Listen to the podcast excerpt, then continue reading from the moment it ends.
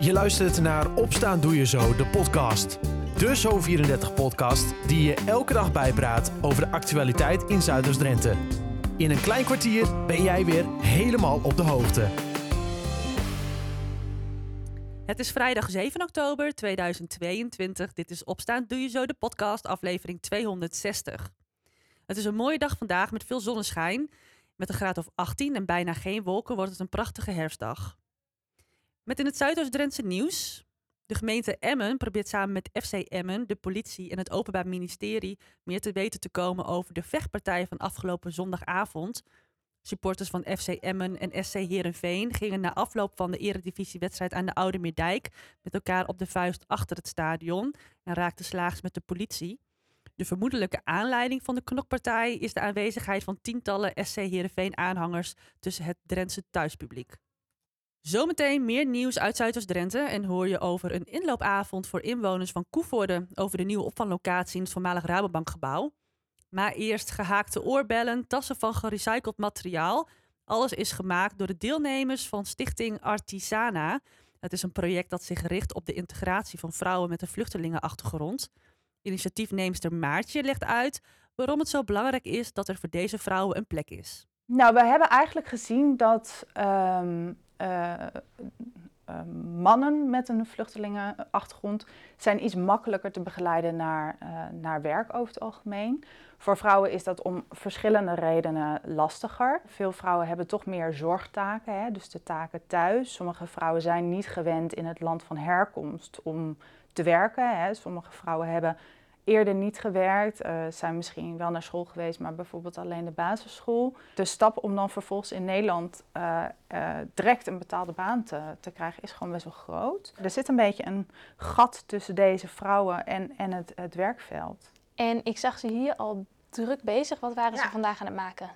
Nou, wij maken hier vooral uh, modeaccessoires en dat proberen we op een uh, zo duurzaam mogelijke manier te doen. Dus we proberen uh, zoveel mogelijk gebruik te maken van, van bestaande materialen.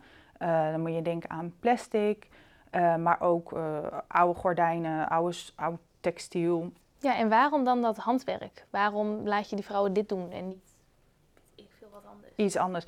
Het zou, in principe zou het zou zo ingewisseld kunnen worden voor, uh, voor, voor een andere activiteit. Alleen geloven wij er wel heel erg in dat samen bezig zijn, samen iets maken, uh, dat dat heel erg werkt. Want wat, nou ja, wat je hier gewoon ziet is dat uh, er komen groepjes samen op verschillende dagen, die zijn hier dan aan het werk.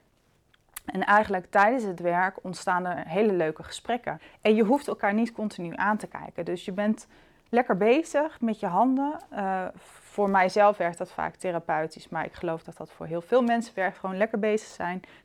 Het is niet alleen een creatieve bezigheid, dus hier. Nee, zeker. Nou ja, het is, we begeleiden eigenlijk de vrouw, hè, behalve dat we hier in het atelier aan het werk zijn, hoort er ook uh, coaching bij. Dus individuele gesprekken van waar ben je goed in, wat zou je graag willen. Uh, uh, echt met een persoonlijk ontwikkelingsplan. Dus echt uitzoeken nou ja, ik sta nu hier, maar waar wil ik over een half jaar staan en waar wil ik over vijf jaar staan? Dus echt, echt kijken naar doelen die haalbaar zijn. Um, maar ze krijgen ook op vrijdag Nederlandse les. Ja, en hoe ervaren de vrouwen het hier over het algemeen zelf?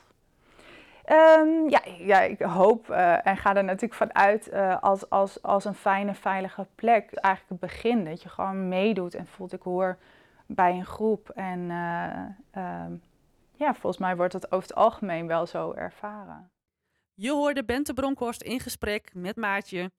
Zometeen in de podcast hoor je over een nieuwe opvanglocatie voor Oekraïners in Koevoorde. Dat na het nieuws uit Zuidoost-Drenthe. De gemeente Emmen probeert samen met FC Emmen, de politie en het Openbaar Ministerie meer te weten te komen over de vechtpartij van afgelopen zondagavond. Supporters van FC Emmen en SC Heerenveen gingen na afloop van de eredivisiewedstrijd aan de Oude Meerdijk met elkaar op de vuist achter het stadion en raakten slaags met de politie. De vermoedelijke aanleiding van de knokpartij is de aanwezigheid van tientallen SC Heerenveen aanhangers tussen het Drentse thuispubliek. Het Neptunusbad in Klassineveen is verouderd en moet daarom worden opgeknapt. De gemeente houdt rekening met een investering van 5 miljoen euro. Het is nog niet duidelijk welke maatregelen er exact moeten worden genomen. Nader onderzoek is eerst nodig.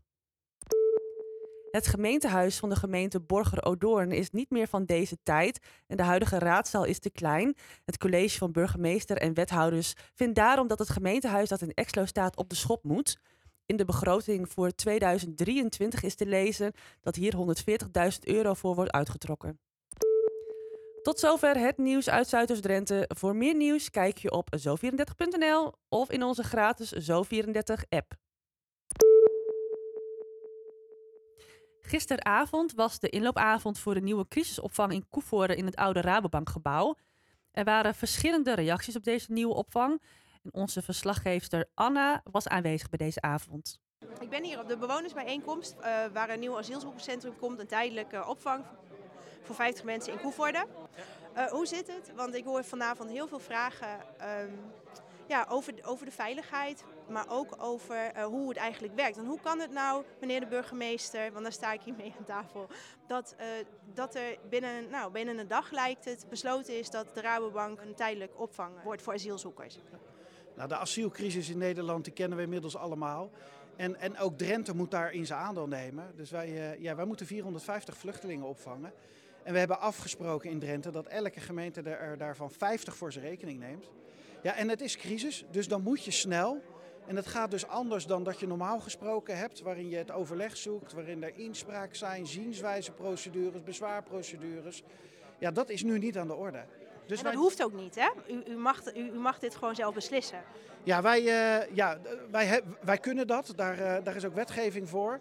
Uh, het is niet leuk, dus mensen voelen zich overvallen. En daar hebben we ook echt wel begrip voor. Maar ja, wij gaan dan op onderzoek uit. Waar, waar is het passend? Welke locaties zijn er? Welke zijn ook beschikbaar? Uh, waar past het in, uh, in, in de omgeving? Uh, nou ja, en uiteindelijk is deze locatie, de oude Rabobank locatie in Koevoorde, naar voren gekomen. En hebben we overleg gehad met de eigenaar. Nou, en die heeft aangegeven, nou ik wil het wel tijdelijk gaan, gaan verhuren. Dus zo zijn we bij deze locatie gekomen.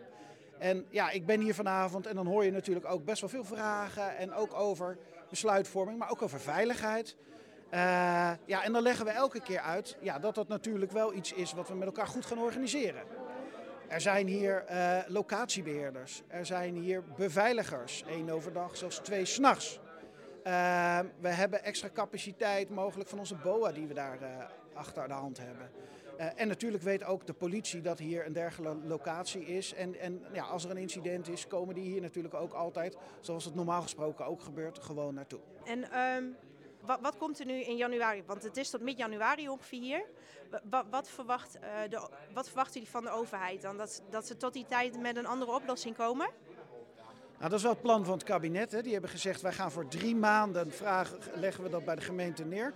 En dan gaan ze tussentijds naar oplossingen zoeken. Tussenvoorzieningen wat groter uh, willen ze. Uh, de uitstroom versnellen. Dus het, het, plaatsen van statushouders bij, uh, bij gemeenten.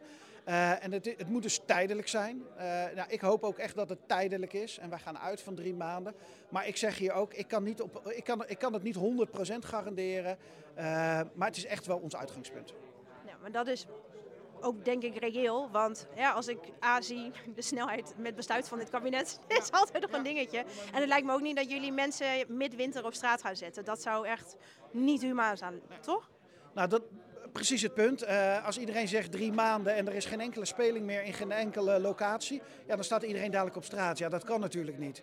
Dus, maar ja, het kabinet vraagt drie maanden, dus we spreken drie maanden af.